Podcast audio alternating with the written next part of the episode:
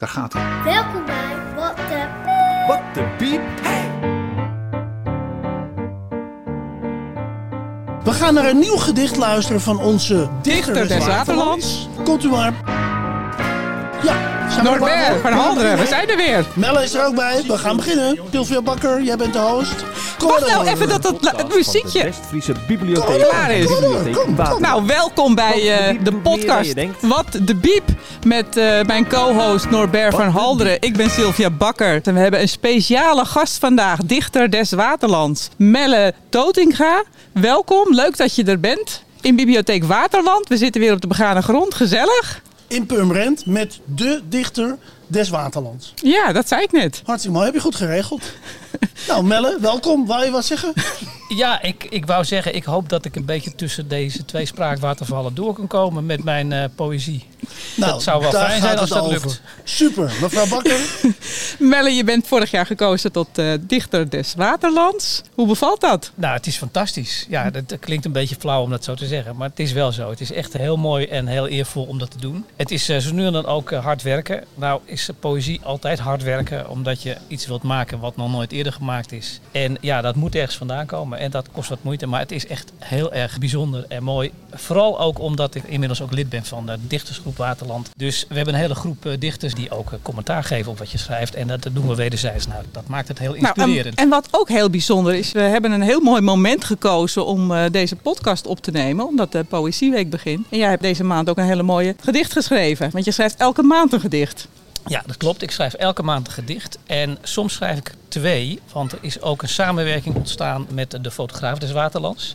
Dus één keer in de ongeveer twee maanden schrijf ik er eentje extra. En dat is een gedicht dat is nog wat ingewikkelder dan een regulier gedicht, omdat het een gedicht bij een, fotocollage is, meestal van twee of drie foto's. Anja Graaf doet dat eh, fantastisch. Maar ja, je wilt natuurlijk niet beschrijven wat je in beeld ziet. Je wilt daar wat diepte vinden en juist die spanning opzoeken tussen de tekst en het beeld. Spanning opzoeken tussen het eh, tekst en, het beeld. En eh, Melle, wij leggen altijd even voor, de, de luisteraars zijn heel erg geïnteresseerd. Wat gebeurt er aan de achterkant van de bibliotheek?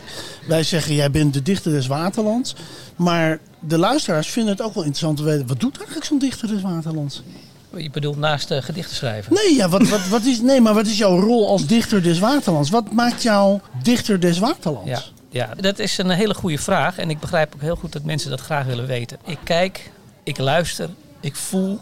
En ik ben een beetje de tentakels eh, als een enorme inktvis in dit gebied, in deze periode. Dus ik kijk niet alleen naar wat er zich eh, in de directe omgeving afspeelt, maar ik hou ook een beetje de media bij. Nou ja, we hebben natuurlijk veel water gehad eh, de laatste tijd. Zeker, ja. Dat zijn niet meteen onderwerpen waarvan ik zeg, daar ga ik nu al wat over schrijven. Maar dat sla ik wel allemaal ergens op. Dus het is een beetje een mix tussen wat ik zelf belangrijk en interessant vind.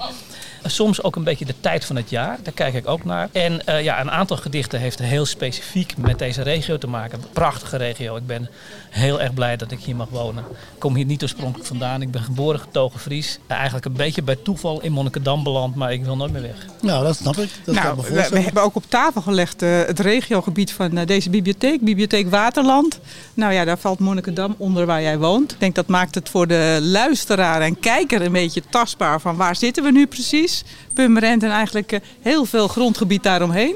Ja, 450 vierkante kilometer is het regiogebied van de bibliotheek Waterland. En we hebben daar ongeveer 180.000 inwoners. Dus dat is best een groot deel van Nederland. We zijn een prachtige tent met heel veel reuring. En we zijn sinds een jaar zijn we in Monnikendam ook als bibliotheekorganisatie werkzaam. Wij waren dolgelukkig dat Melle wonende in Monnikendam gekozen werd als dichter des Waterlands. Melle, jij bent niet de politiek tekenaar die vandaag iets ziet en denkt... morgen zet ik even in een karakteristiek zet ik het neer.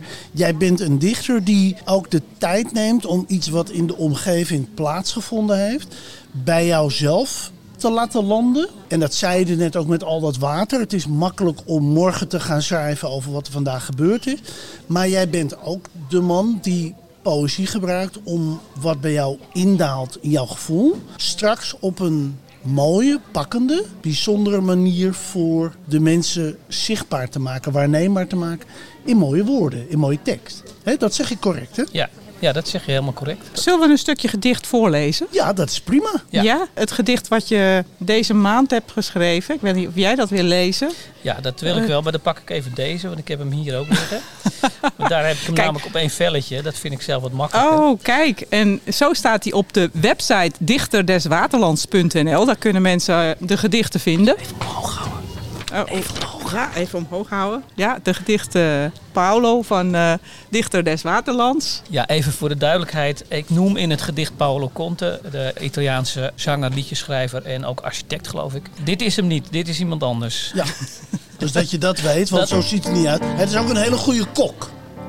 Ja, en dit is precies Paolo Conte. Ja. Weer, weer. Weer, weer. Een beetje het tempo waarop hij snijdt. Heerlijk. Hij is super. Ja. Nou, ga lekker lezen, Melle. Luisteraars, aandacht. De dichter des Waterlands. Prachtig gedicht. Paolo. Paolo. Ze loopt door de supermarkt. Alsof ze door het luchtledige zweeft. Het vraagteken van het waarom achter haar aan. Lege winkelwagentjes volgen haar zo stilletjes mogelijk. Komkommers buigen extra door als ze hem passeert. En in de visvitrine knipoogt een dorade. Een inktvis kleurt plots roze-rood. En dan de hagelslag, die als het ware een regenboog sprinkelt, sprankelt, spronkelt. Niets merkt zij ervan. Zij heeft een missie. Koersvast stevend ze af op haar doel. Spontaan ploppen de kurken van de flessen cava en prosecco.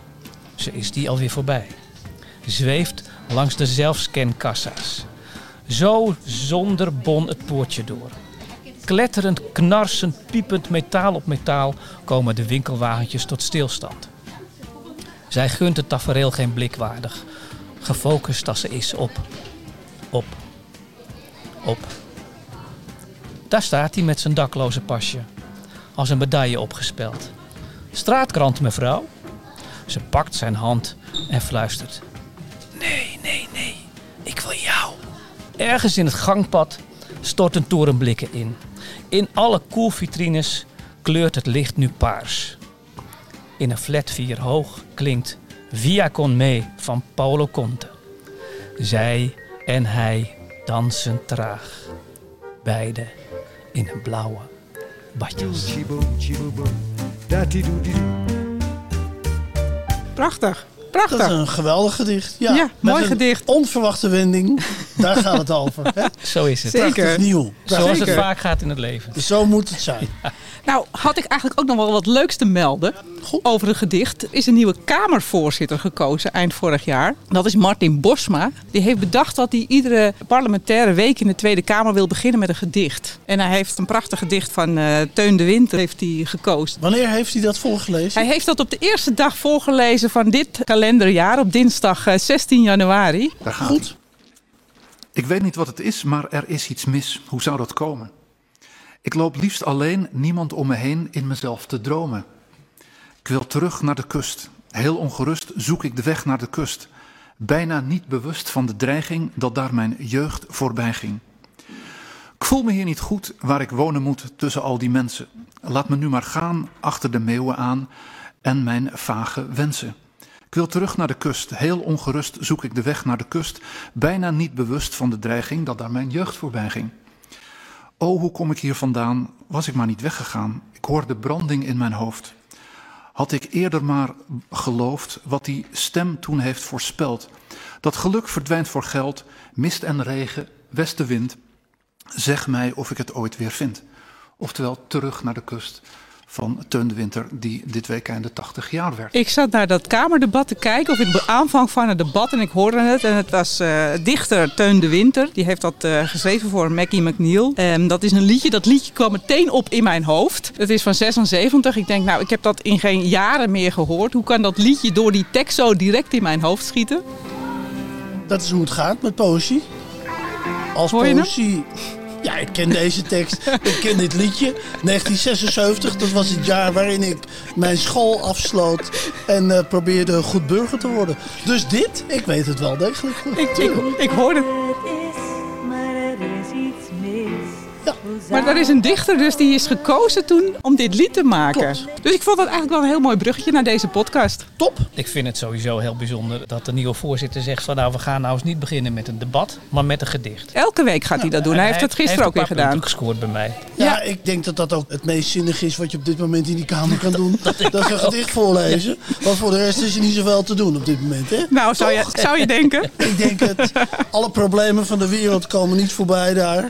Het gaat alleen maar over hele simpele dingen. Vandaag zijn de Nationale Voorleesdagen begonnen. Dat klopt. Nou ja, er is heel veel voorgelezen. Ik hoorde net, we zitten hier in de bibliotheek. En ik hoorde dat er ook voorgelezen wordt hier vanmiddag in de bibliotheek. Er zijn vandaag verschillende sessies. En we hebben deze week ook het voorlezen op de scholen. Hè. Je krijgt allemaal de voorlees, ontbijtjes en al die dingen meer. Kijk, wat ontzettend belangrijk is, dat blijven we maar vertellen aan Nederland. Dat voorlezen steeds meer iets wordt waardoor je als burger eigenlijk goed kunt onderscheiden. Opa's en oma's, ouders, je moet gewoon voorlezen. En kinderen aan wie voorgelezen wordt, we lezen voor tot ze een beetje zelf kunnen lezen. Nou, en dan kun je het nu zelf doen. Nee, het begint pas.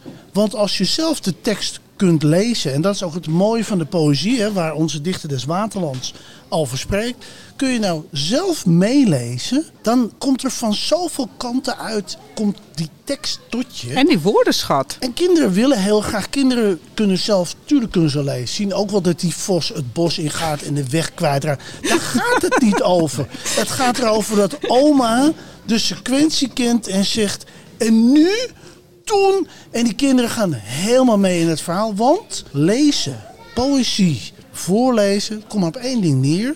Dat is dat je je eigen wereld kunt verbreden. Omdat de tekst die tot je komt, die maakt jouw eigen droomwereld in zijn eigen vorm. Jij spaart dan heel even snel over dat vosje heen maar daar gaat, dat, daar, gaat, het vosje daar gaat dat prentenboek van het jaar 2024 wel over. Help een verrassing van Mirjam Bos. Vanochtend voorgelezen door prinses Laurentien in uh, basisschool in Diemen. Exact. En dat gaat inderdaad ook over dat vosje August. Maar het gaat er dus om dat die prinses Laurentien voorleest. De manier waarop zij kinderen met die woorden in aanraking brengt. Ieder volwassene in dit land zou zich moeten afvragen waarom je ook niet aan elkaar voorleest. Wij doen het in de bibliotheek met onder andere onze bosbadensessie. We trekken een boek uit de kast. We zeggen tegen volwassenen, vinden jullie het goed als ik iets aan je voorlees? En laat het nou even gewoon praktisch zijn. Het zijn allemaal gewoon normale mensen, goeddenkende mensen, volwassenen die die allemaal kunnen lezen. En wat zeggen ze tegen mij als ik dat vraag? Graag. Want het is zo leuk als iemand iets voor je voorleest. Juist. Dus het voorlezen en met name poëzie, hè? dat hoef ik Melle niet uit te leggen, maar Melle, je kan dat onderstrepen. Hè? Poëzie geeft mensen ook de gelegenheid om in een hele tastbare, mooie vorm dingen aan elkaar voor te lezen. Nou, dat ga ik dan nu doen, want nou, uh, zoals jij een boek uit de kast trekt met de bosbaden-sessies, heb ik nu. Bosbaden? Ik zei toch bosbaden? Nee, dan is het goed. We gaan door. Boekbaden en bosbaden. Poëziebaden gaan jullie doen deze week. Goed, dat vond ik ook een heel mooi woord. Poëziebaden. Poëziebaden. En ik heb hem dus opengeslagen op een bladzijde met drie zinnen. August en Suus spelen tot de zon ondergaat. Ze doen alleen rustige dingen en veilige dingen. Dingen die ze allebei leuk vinden. Daar gaat het over. Daar gaat het over. Maar, mag ik nog, een, nog een, gedicht? Ja, ik heb sowieso, ik heb nog een heel stapeltje. Maar ik wil nog een argument aandragen. Nee, ik wil nog twee argumenten aandragen. Super. Om voor te lezen en te blijven voorlezen. Allereerst is het natuurlijk voor taalontwikkeling is het geweldig. Het is de allerbeste manier om een connectie te krijgen met je eigen kinderen. Of met andere kinderen. Of met je partner. Of met je ouders. Of met eh, mensen die heel ergens anders vandaan komen. Het is voor kinderen die uit andere landen hierheen bijvoorbeeld gevlucht zijn. Ook het allereerste eerste wat ze willen. Die willen gewoon taal leren, want dan kunnen ze zich verbinden met anderen. Echt? Dan kunnen ze gesprekken voeren en dat gaat via voorleesboek. Klopt. En het is de beste manier, en dat zeg ik uit ervaring, om je kinderen op tijd naar bed te krijgen tot een bepaalde leeftijd. Zo. Want er zit namelijk een belofte in dat voorlezen. En als ze eenmaal gevoeld hebben hoe spannend dat is, dan vinden ze het helemaal niet erg om naar bed te gaan. Het is wel de vraag of ze dan gaan slapen, maar dat mogen de ouders zelf oplossen. Maar er is ook een belofte dat ze dan de volgende dag opnieuw weer voorgelezen worden. Ja. En wij zijn in de bibliotheek bezig met hoe ontwikkelt de mens zich in de maatschappij. Wij hebben zelfs gezegd hè, dat tegenwoordig praten we heel veel over goed burgerschap. Ja. En wij hebben gezegd, goed burgerschap begint eigenlijk dat iedere Nederlander zich realiseert dat voorlezen dat is de basis van onze maatschappij. Ja. Dus het is helemaal niet zo gek dat de Kamervoorzitter besloten heeft om een gedicht voor te lezen. Want dan komen al die volwassenen ook dichter bij het goede burgerschap. Ja. We gaan naar een nieuw gedicht luisteren van onze dichter, Dichter des des Waterlands. Mella, welke heb je gekozen Ja, voor dat, ons? ik, ik was toch even aan het zoeken. ja, ja, Eh, mag. dat mag. Ik weet niet hoeveel je erbij hebt genomen, Ja, maar ik heb er een paar mee. favoriete gedichten van je gevraagd. Maar volgens mij kon je niet kiezen en heb je een hele stapel Nou, meegenomen. ik, heb, ik heb van mezelf meegenomen, maar ik heb ook, die kan ik ondertussen wel even noemen. Ik heb een paar favoriete dichters. De helaas veel te vroeg overleden Herman de Koning, een Vlaamse dichter. Die man heeft ontzettend veel geschreven en die schrijft hele mooie, eenvoudige, toegankelijke poëzie. Echt mijn absolute favoriet. De Vlamingen weer. Ja. Ik wilde niet veel over zeggen. Maar, er komt nog iemand die steekt daar eh, nog wel een beetje bovenuit. En dat is Willem Wilmink. Ja. Dat is ook de man van de eenvoudige taal. Die kan zo muzikaal schrijven. Dat is ook prachtig. En tenslotte wil ik Toon Telliger nog noemen. Zeker. Ik hou van eenvoudige taal. hè. Ik hou niet van ingewikkelde woorden. Poëzie moet zo toegankelijk mogelijk zijn. En dat betekent dat je complexiteit weg moet laten. Toon Telliger kan dat als geen ander. Hij is ook de favoriet van veel kinderboeken. De- Ja, ja. Je vindt in de bibliotheek heel veel boeken van Toon Telliger. Dat is gewoon super. Nou, dat komt allemaal weer bij elkaar. Dus eenvoudige taal. Ja. Daarmee kunnen we elkaar ook eh, gewoon heel erg mooi omarmen. Ja. Laat maar komen. Ja, dit begon met een zinnetje wat mij inviel. En toen dacht ik, ja, wat moet ik ermee? Nou, dit is het dus geworden. Het is wel een beetje lang gedicht, maar vinden jullie niet erg, toch? Ja, je kan hem ook want, korter, eh, maar... want deze podcast die gaat gewoon door, toch? Ja, Ja. En dit heet Het wordt gedicht. Het eerste dat in je opkomt. De laatste schep aarde waarmee de Zuiderzee het IJsselmeer werd. Het tweede. De wond op je achterhoofd door die uitglijder op het ijs 15 jaar geleden die toen nogal ruw werd gehecht. Het derde. De diepe kuil in de straat waar de put in moet die je stront gaat afvoeren. Het vierde. Al die diepe, diepe verschillen tussen mensen die aan de ene kant steeds groter en aan de andere kant steeds kleiner worden. Het vijfde, het allerlaatste drie dubbeldik geïsoleerde raam dat geplaatst wordt in de slaapkamer van je huis waar je tot voor kort met je grote liefde woonde. Het zesde, de gebarentaal die je geleerd hebt omdat je beste vriend van de ene op de andere dag stokdoof is geworden en je niet weet of je hem nu wel of niet kunt geloven. Het zevende, het gat in de sok in de handen van je moeder lang, lang geleden. Het achtste, de je achterste fietsband waarvan je al meer dan een half jaar weet dat die plat is, maar waar je nog steeds tegenaan hikt. Het negende, de binnenkant van je arm waarin een half uur geleden nog een naald stak die een halve liter bloed uit je trok. Het tiende, de gordijnen die om 11 uur 's ochtends dichtgaan omdat de masseur voor je vriendin langskomt terwijl je zelf op je werk zit. Het elfde, de ontdekking dat je na 16 biertjes ineens vloeiend Volendam spreekt. Het twaalfde, het plofje van de zwarte modder op de kist waarin de art director met wie je meer dan 10 jaar de mooiste campagnes maakte, de rest van haar dood verblijft. Het dertiende, het beeld van Zatkine waaruit het hart verdween. Het veertiende, de zich opeens opdringende gedachte dat zwarte gaten toch vooral tussen groepen mensen bestaan en ze daardoor helemaal worden opgeslopt. Tot slot, het laatste wat je denkt. Het verbijsterende inzicht dat alles dat gedicht werd ooit begon als leegte. Mooi. Dat moet mij denken aan de aankondiging van de bosbaden voor aanstaande vrijdag. Daar staat eh, bij de teksten die eh, gebruikt zijn door eh, de afdeling communicatie van de Bibliotheek Waterland. De mooiste woorden ontspruiten vaak op de plek waar we ons het meeste thuis voelen. Dat Dat klopt. vind ik ook wel, Ja. mooi, ook wel weer mooi aansluiten. Ja. Zeker. Ja, als iedereen een beetje meer zou denken over leegte en, en stilte, dan eh, denk ik dat we heel veel eh, beter met elkaar omgaan. En waar we ons thuis voelen. Zeker. Ja. Zeker. Ja, Ik vind overigens dat punt, ja, dat de gordijnen dichtgaan als de masseur voor je vriendin langskomt als je weer werk bent. Ja, daar gaan we het toch wel over hebben. Goed, de volgende. Roept wel wat op, hè? Ja.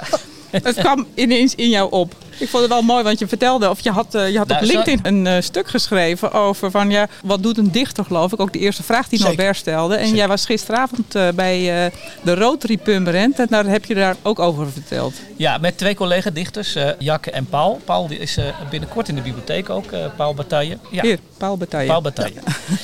Met z'n drieën hebben we dus een aantal gedichten voorgedragen. En ze vonden het fantastisch. Ze waren echt, ze stond nou, ja, dat zijn geen mensen die op de banken gaan staan. Maar als ze er waren geweest, die banken, dan hadden ze dat gedaan.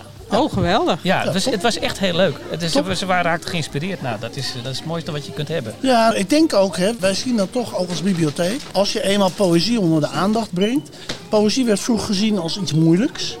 En ook alleen maar bereikbaar voor een bepaalde groep mensen. Maar tegenwoordig zie je dat veel mensen echt heel veel plezier kunnen beleven aan poëzie. Het is ook wat wij, als we het over taal hebben, ook op scholen, als we praten met mensen over het leren van de taal. Dan is eigenlijk iedere keer ons enthousiasme over hoe leuk is het als je zelf poëzie kunt begrijpen. En hoe mooi als kinderen het kunnen leren om later het ook te begrijpen. Al die kabouters zoals, eh, zoals die hier eh, rondlopen allemaal. Het is prachtig hè, als ze gedichten, als ze woorden kunnen begrijpen als poëzie tot leven komt, ja, het is fantastisch. Het is echt fantastisch. Nou ja, jij zei tegenwoordig, wij hebben als gasten gehad Lale Kuhl. Ja. En die had uh, gedichten. Nou ja, ik vroeg haar van, heb je een gedicht? En had ze meteen gedichten van Toon Hermans. Die pakte ze Ja, meteen in de telefoon en die wilde ze heel graag voorlezen. Geluk is geen kathedraal, misschien een klein kapelletje. Geen kermis luid en kolossaal, misschien een carouselletje. Geluk is geen zomer van smetteloos blauw, maar nu en dan een zonnetje. Geluk dat is geen zeppelin, het is hooguit een ballonnetje. Nou ja, dat is een van de mensen waar die, die ook zeg maar de poëzie wat dichter bij de gewone mens heeft gebracht. Ja. Omdat zijn poëzie, en dat is precies wat jij zegt, je houdt niet van moeilijke woorden, hè Melle. Maar dat is natuurlijk waar het over gaat. Het, het hoeft niet altijd een gedicht te zijn in hele bijzondere woorden. Het kan ook een heel eenvoudig gedicht zijn met een prachtige betekenis, waardoor mensen gewoon veel dichter bij het onderwerp Nou ja, ik eh, had dat eh, fragment dan van eh, Martin Bosma, de Kamervoorzitter. Ja. En dat er dan ook een lied van is gemaakt. En, Zeker. eh, Melle, jij hebt misschien ook die ervaring dat er eh, een lied is of iets met een, met een rapper, geloof ik. Dat eh, je zegt van nou ja, die kunnen soms ook heel erg goed dichten. Ja, ik, heb, ik mocht in, eh, even kijken wanneer was het, eh nou, vorig jaar september geloof ik, of oktober, mocht ik als dichter des Waterlands een aantal mensen uitnodigen. En ik werk veel samen vanuit mijn stichting Reclame Maken voor Jezelf met spoken word dichters en rappers. Dus ik had eh, vier van die mensen uitgenodigd. En ehm, eh, nou, ten eerste waren er best wat mensen, maar er waren ook een hoop wat oudere mensen, zoals ik zelf ook al wat ouder ben. Maar de grap was dat aan het eind werd Desmond, een van de rappers, Desmond is een Ghanese Nederlander, die werd teruggehaald. Zo van, wil je alsjeblieft nog zo'n rap doen? Want ik, ik vond het zo prachtig. En dat was een oudere dame die dat aan hem vroeg. Dus niet een van die jongsten uit het publiek. Was, Rappers, hè, dat, dat is iets wat we in de bibliotheek ook vaak zeggen. We hebben het niet alleen over leesplezier, maar we hebben het ook over taalplezier. En wat je ziet aan rappers, zij hebben hun eigen taal. Veel jongeren hebben hun eigen taal. Maar als je je eigen taal ook mooi kunt dichten of de poëzie kunt maken zoals rappers dat doen, dan leeft taal voor een hele brede groep. En dat is waar het om gaat. Je moet met elkaar taal maken en aan taal plezier beleven. Dat is hoe het zit. ja, luister maar eens naar ABC van Extins. Ja.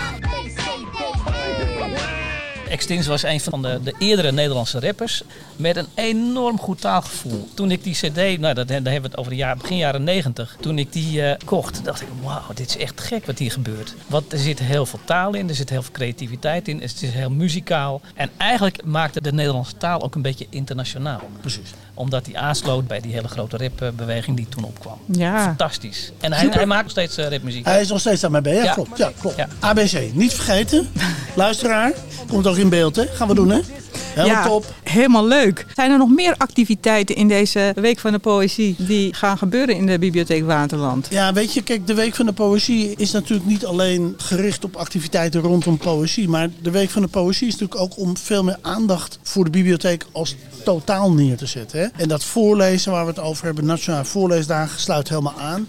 Waar het over gaat is dat mensen zich veel meer en veel eenvoudiger kunnen verdiepen in taal. En taal is voor Nederland heel belangrijk. Bij de bibliotheek staat taal centraal. Mensen leren taal. Mensen delen taal met elkaar. En wat je ziet is dat in deze tijd er steeds meer mensen ontheemd raken. Steeds meer mensen zijn op zoek toch naar een stukje ontmoeting. Taal is ook verbindend. Ook aan onze koffietafel. Als je s'morgens binnenkomt, krantje, je ziet iemand, gesprekje voeren. Dat kan omdat je elkaars taal Taal is juist verbindend. Daar gaat het over. En dat is eigenlijk wat in deze week van poëzie het allerbelangrijkste is. Dat je een stukje respect en waardering weer krijgt voor een bepaalde vorm waarin taal gegoten is. Maar dat taal centraal staat. Nou ja, dat, Dat zie je in de populaire Netflix-serie Blue Zones, waar de waar de mensen heel oud worden in de wereld. Het is altijd een stukje saamhorigheid, verbinding, Zeker. met elkaar Zeker. samen dingen doen, bewegen, goed eten. En eh, ja, taal speelt daar een eh, hele belangrijke rol. Speelt een eh. hele grote ja. Dus dat is het uitgangspunt van de Week van Poëzie. Dat is het uitgangspunt van de Nationale Voorleesdagen. Gebruik maar is er dan ook heel veel samenwerking met andere cultuurinstituten? Ik zou nog even het uh, Cultuurhuis in Edam-Volendam uh, noemen. Die doen ook heel veel activiteiten. Daar werken jullie volgens mij als Bibliotheek Waterland mee samen. De Bibliotheek Waterland heeft in de hele regio 46 cultuurpartners waar we mee samenwerken. En dat varieert van het uh, Nederlands Kindertheater, het Theater Purmerijn, tot aan de molen in Volendam, tot aan cultuurhuizen, musea. Wij zijn natuurlijk van de grote cultuurpartners. En zie, zie, je dat dan specifiek in deze nationale voorleesdagen of in de Week van de Poëzie? Zie je dat dan ook extra? Dat dat een kapstok is om wat meer activiteiten te organiseren gezamenlijk? Nou, wat we doen is natuurlijk, we kijken, we, we hebben dat wel vaker als we een boek hebben wat best een interessant thema is. We hebben dat nog niet zo lang geleden gedaan met het boek Sonny Boy. Dan werken we samen met onze cultuurpartner het Filmhuis. Dat is eigenlijk een vereniging die, die met vrijwilligers tot stand gebracht is. Dat filmhuis vertoont hier dan de film. Dit zijn de soort samenwerkingen die we hebben. En we hebben bijvoorbeeld het thema uitgelicht. Iedere zes weken hebben we in elke vestiging een speciaal boek. En we laten met name cultuurorganisaties aanschuiven om iets te vertellen over de inhoud van het boek. Dus zo zijn we als bibliotheek ja, constant bezig om het verhaal van de bibliotheek ook te verbinden met de cultuurpartners. Ja, en als we het over rappen hebben en over muziek, dan hebben we natuurlijk vlakbij P3 zitten. Ja. Die natuurlijk ook die jongens en meisjes. Poppodium heet het nog steeds poppodium? Poppodium ja, van Purmerend, prachtig poppodium. Daar wordt heel erg geïnvesteerd in juist die rappers, die dichters op muziek naar binnen te halen. En Purmerend kent een fantastisch evenement wat ieder jaar plaatsvindt, hè, Reuring, waarbij juist taal en muziek en cultuur extreem aan elkaar verbonden is. En daar zijn wij een radartje in. Ja. Niet ja. meer dan dat. Nee. Maar dat is wel heel erg belangrijk. Nou heb ik al even de Rotary genoemd. Je hebt uh, Melle in samenwerking met de Rotary en volgens mij Bibliotheek Waterland het Groot Waterlands Dicté gedaan eind vorig jaar. Hoe was dat? Ik weet niet wie er gewonnen heeft, het dicté. Nou, dat, uh, de naam van de winnaar krijg ik niet een beetje uit mijn hoofd. Dat is lastig. Dat is een meneer die overal in Nederland dictés doet. Die kwam uit uh, Zeeland. Ja. Die was speciaal hier naartoe gekomen om mee te doen aan dat dicté. Hij won dat dicté. Dat, dat is meestal als je van zo ver komt. Die man die deed elke week volgens mij een dicté. Ja. Ik heb het dicté voor mogen lezen. Oh, wat leuk. Dat is een apart beroep. uh, ik vond het hilarisch, want ik denk dat ik op mijn allerbest toch het dicté heb voorgelezen. Nou. Maar het is soms lastig omdat er ook mensen in Wat zitten vond je die van wat het dicté van Melle? nodig hebben. Ja, wij, wij vonden het fantastisch. Ik heb enorm gelachen over de haring met uitjes. Dat was ook meteen een van de termen waarvan de ene schrijver dacht... ja, dat is uh, haring streepje met streepje uitjes. ik heb die streepjes nooit gemerkt bij het eten van haring met uitjes. Dus ik had al zoiets van, dat lijkt me sterk. Maar dat was een van de thema's. En waar heb jij op gebaseerd, Melle, bij het schrijven van dat uh, groot waterlands dicté? Nou, toen ik die vraag kreeg, dan heb ik meteen ja gezegd, omdat ik het heel leuk vond. Dat is iets anders dan een gedicht ik, natuurlijk. Ik dacht wel, ja, hoe ga ik in vredesnaam hieraan beginnen? Dus uh, ja, wat doe je dan? Dan ga je even googlen en dan zoek je een paar van die oude dictéen, dictées, dictées op. dictées op. En, uh, ga je al. nou ja, dan, dan, ja, precies, dan ga je al. En dan raak je een beetje geïnspireerd en dan ga je aan de gang. En dan ga je nadenken over, ja, wat hebben we hier in de regio? Waar gaat het over? Hoe zijn de mensen hier? Wat kom je allemaal tegen? Wat eten ze? Wat eten ze niet? Uh, waar hebben ze een hekel aan? Wat vinden ze leuk? Wat, nou ja, zo komt dat dan een beetje op gang. En dat moet natuurlijk hier en daar een knipoog hebben. Mensen ja. moeten er een beetje van gaan glimlachen. Dat is heel belangrijk. Dus zo ben ik gaan schrijven. Echt prachtig. Dankjewel. Ik had gezien dat het ongeveer tien regels moest zijn. Dus ik denk, nou ja, dan uh, kan ik lekker met die regels uh, gaan pielen. Ja. ja. ja. en die tien regels, daar heb ik er elf van gemaakt. Dat is hilarisch, want regel 8 bestond uit een hele kleine zin, punt en een volgende regel. En ik dacht, ja, als een punt staat, is dat een regel geweest. Dus ik maakte er elf regels van. Maar dat paste niet, want het formulier had maar tien vakken. Dus toen ik zei regel 11, toen stond de tent in de brand. ik, ben ook geen, uh, ik ben ook geen goede voorlezer nee, van een dicté. Het was in ieder geval een hilarische middag, uh, denk het ik. Het was een heel leuke middag. En het ik is moet leuk. zeggen, het doel van die middag was om centjes bij elkaar te brengen Ja. voor de voorleesexpress. Wie dat Ja. voorlezen. Een collega van ons had een vrijwilliger geregeld die op die dag tijdens het wijntje en het biertje vertelde over het belang van die voorleesexpress. En als ik het goed zeg, is er ruim 5000 euro ingezameld voor de Voorleesexpress. Dat zijn goede bedragen, want Voorleesexpress bezoekt heel veel gezinnen in de omgeving. We hebben natuurlijk heel veel boeken nodig, omdat in zo'n gezin lezen we voor. Maar je ziet dat als je voorleest, dat kindjes eigenlijk het gelukkigste worden van ook zelf een boekje hebben waar ze dus verder in kunnen lezen. En dat vraagt gewoon heel veel investering. En dat doet de Rotary goed. We zijn er ontzettend blij mee. En we hebben ook met elkaar gesproken over... moet dit iets zijn wat bij de bibliotheek een terugkerend fenomeen wordt? want we hebben wel gemerkt... Dat Want dit, dit was de eerste keer. was de eerste keer. Ja, vond het een super initiatief. was overweldigend belangstelling voor. En wij vonden wel dat zo'n dicté, dat hoort ook wel bij de bibliotheek. Zeker. Het is plezier beleven aan taal. Hè. Er zit een knipoog in, het is ook humor. Maar wat je ook ziet, dat vind ik wel prachtig. Dat er gewoon meteen een competitie ontstaat. Het is ook echt van Nederlands. en dat er iemand uh, helemaal vanuit ver weg is dan dat dicté komt En het eerste woord had ik genoemd en direct kwam uit de zaal. Wat zegt u? Nou, dat vind ik geweldig. Ja. Dan, nou, dan je, zijn we goed. Je zei ook boekje. Wat ik was vergeten te vertellen is uh, Help een verrassing. Het prentenboek van 2024 van Mirjam Bos. Dat is uh, sinds vandaag ook verkrijgbaar in een mini-editie voor 5,75 euro. Dus uh, ja, geef dat vooral cadeau, zou ik zeggen, als je het kan vinden. Het was helaas vandaag nog niet verkrijgbaar bij de Bruna. Dit is een slechte reclame. Misschien kan je het bij de bibliotheek lenen, dat is dus altijd het beste. we horen net, koop dat boekje en vervolgens, het is niet verkrijgbaar. Vandaag niet. Dit is de chaos van deze podcast. We gaan door. Even iets serieuzers, want oh, sorry. we hebben het net gehad over het uh, Groot Waterlands Dicté. Maar je hebt ook een ander bijzonder project gedaan. Dat is met uh, Oekraïense leerlingen. Ja, dat heb ik. Uh, ik noemde zo net al even mijn stichting. reclame maken voor jezelf. Ik ben een kleine anderhalf jaar geleden bij de Rotary in Purmerend geweest. Om daarover te vertellen. En toen dacht ik, ik ga die mensen een keer geen geld vragen. Want die vraag krijgen ze namelijk altijd. Ik ga gewoon een andere vraag stellen. Dus ik heb ze gevraagd of ze wilden helpen met het verzorgen van een expositie. Op verschillende plekken in de regio. Nou, dat wilden ze doen. En toen dacht ik, ja, maar nou moet ik wel zorgen dat we ook jongeren hebben die onze workshops doen en die in deze regio zitten. Dus toen heb ik contact gekregen met uh, Marieke Bremer van de ISK-klasse hier in Purmerend. De, de ISK-klasse, dat weet iedereen die naar deze podcast luistert? Ja, zeker. Ik zal het even uitleggen. dat zijn de internationale schakelklassen. Internationale schakelklassen.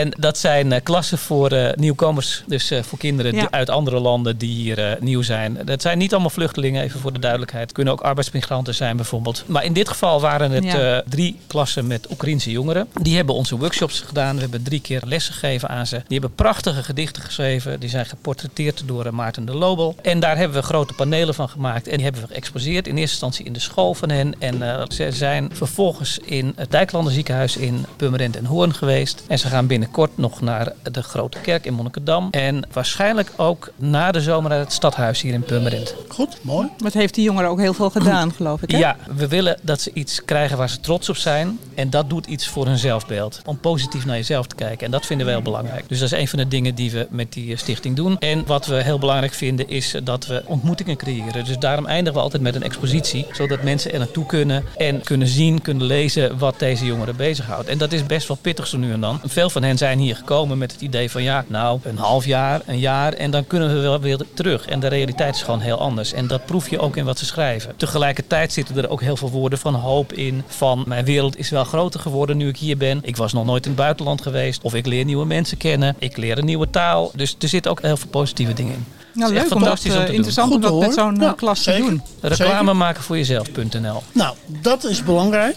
En nu gaan we ook langzaam afbouwen. Ik heb nog een paar puntjes. Maar uh, mevrouw Bakker heeft nog veel dingen te vertellen. Nou, een paar puntjes. Ja, ja. Ik, wilde, ik wilde nog melden dat het uh, Poëziegeschenk 2024... Doen, zeg even poëzie. Zei ik het zo raar? Ja, ja, ja, ja, ja. We doen het opnieuw. Je begint weer met ik heb nog een paar punten. Dan pikken we hem daarop. Toch? Ik heb nog een paar punten. Ja. Gaan we, zijn we klaar? ik heb nog een paar punten. Het, uh, nou, nou kan ik het niet eens meer zeggen. Het, poëzie, het poëziegeschenk van... Ja, nee, ik dacht eerst nee, van... Het is, nee, mevrouw Bakker, opnieuw. Het is poëzie. Toch? Poëzie. Precies. Ja, Poëzie. Poëzie. Precies. Maar iedere keer denk ik poëzieweek, maar het is poëziegeschenk. Precies. Als je dat zegt, Poëziegeschenk 2024. Gaat je niet? Nee, jij legt nu de nadruk steeds op de E. Poesie. Nee. zo- Laat maar zitten. Mevrouw Bakker. ik, ik weet één woord wat binnenkort in het uh, Groot Water langs thee komt. Oh! Dat is het woord poëzie. Poëzie voor jou. Ga je het uh, Groot Waterlandse dicté 2025 schrijven? Oh, het is poëziegeschenk. Poëziegeschenk. Po poëzie. Ja? Nou, ik vind het goed. Edward van de Vendel heeft oh, een boekje geschreven. Kom nog even naar mij kijken straks. Het poëziegeschenk van, ja? van 2024. Van 2024, ja, dat klopt. Ja. ja, de gedichten zijn wat lang, maar ik denk, laat ik een heel klein stukje pakken. Ja. Het gedicht van Heimwee. De eekhoorn in mijn opa's bos. Hebben we hem weer? Zijn eekhoorn, die ik vanmorgen heb gezien, toen was ik tien. We vierden mijn verjaardag. Er hingen slingers aan de dennen. En nu rennen hier dezelfde eekhoorns. Ik bedoel precies dezelfde. Ja. Dat is uh, Ja, hij heeft allemaal gedichten geschreven in het kader van dieren en zo. Hè? Oh. er staan allemaal dingen in, ook over... Uh, egels? Neushoorns. egels, absoluut. Ja. Egels, dat is een uh, rode draad in deze podcast. En inmiddels vosjes ook. Heerlijk hè, dit. Ik heb nog wel een uh, anekdote over een egeltje. Nou, kom op. Die, kom We, die willen we meenemen. In de herfst hadden we nogal wat wind. En er waren nogal wat bladeren in ons uh, oprit gewaaid. Dus ik heb groenbak gehaald en uh, ik ga scheppen. Met een klein schepje, dat was wel handig. En op een gegeven moment til ik dat schepje op. Zit er een egel op, helemaal opgerold, diep in slaap. Was niet eens wakker geworden. Wat een pracht. Het is zo prachtig. Dus ik heb hem heel zachtjes teruggelegd. Een heel hoopje bladeren exact, eroverheen. Exact. En die slaapt lekker verder. Top hè? Ja, leuk. Ja, die beesten zijn super. Ja, egels. Het mooiste wat er is in de wereld hè? Ja, egels. Toch weer? Ja, toch weer altijd. Egels. Woudgroen, egels, bosbaden. En alles van de natuur is super, jongens. Helemaal mooi. Melle, jij bent dichter des Waterlands. Hoe lang heb je die rol nog op je schouders liggen?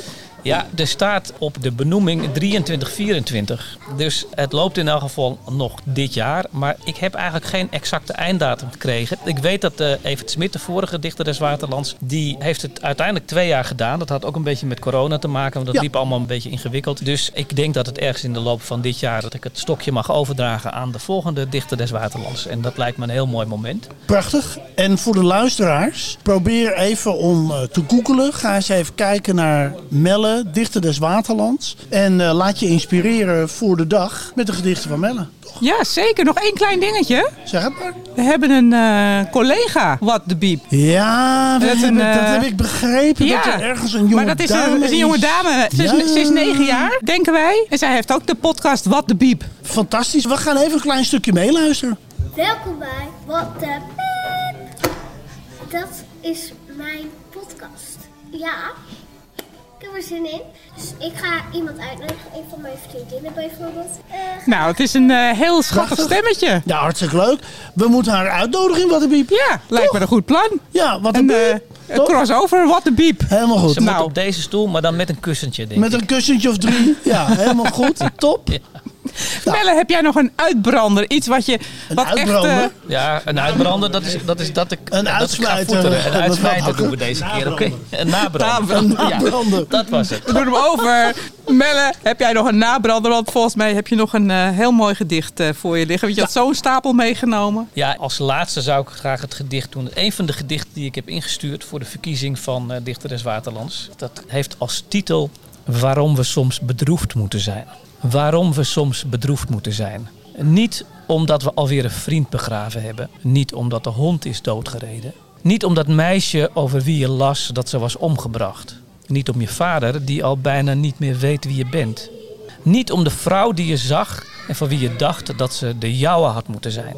Niet omdat het regent, niet omdat het zo droog is, niet omdat de zon zich al dagen niet heeft laten zien, niet omdat de sokken van je tafelgenoot stinken, niet omdat het niets zo keihard op je afkomt, niet omdat je zo moedeloos wordt van het uitzicht vanuit je caravan, niet omdat je heel zachtjes ergens een baby hoort huilen, en niet omdat je iemand ineens de hortensia's heeft gekortwiekt. Niet omdat de lamellen van de Luxaflex steeds meer knikjes krijgen. Niet omdat het afvalscheiden je steeds weer aan je eigen scheiding doet denken. Niet omdat je potlood over het papier gaat en je geen idee hebt wat de woorden die je schreef echt betekenen. Niet omdat je zo graag in jezelf verdwaalt. Niet omdat het zoveel is, of te veel, of te weinig, of voorbij. We moeten soms bedroefd zijn. Soms moeten we bedroefd zijn, omdat we dan de kleuren weer gaan zien die achter het zwart verscholen gaan. Omdat we de warmte van de tranen voelen die ook de ander ziet. Omdat er achter toch steeds iets anders schuilt. Iets dat ook voorbij zal gaan. We moeten soms bedroefd zijn. Omdat wat ons klein maakt, ons ook weer groter maakt. Omdat de vragen die het oproept geen antwoorden hebben. En we beseffen dat het goed is. Zo leren we leven. Bedroefd moeten we zijn soms. Want wat ons kwetsbaar maakt, laat onze schoonheid zien. Door al onze kieren en scheuren schijnt ons licht naar buiten. Laat dat nooit dimmen. Hoogstens van kleurverschieten. Laten we soms bedroefd zijn. Want we worden er zoveel mooier van. Hoi, ja. Mooie afsluiting. Mooie afsluiting. Zeker. Dankjewel Norbert van Halderen. Sylvia Dankjewel. Dankjewel Melle voor het Dotinga, dichter des Waterlands. Leuk dat je gast wil zijn. Dank jullie wel, Norbert en Sylvia. En dankjewel Menno voor het prachtige werk. Sharon voor de technische ondersteuning en de kritische blik. En eh, dit was volgens mij... eh, Weer een mooie wat Wattenbiep. Ja, ik denk het wel. Ja.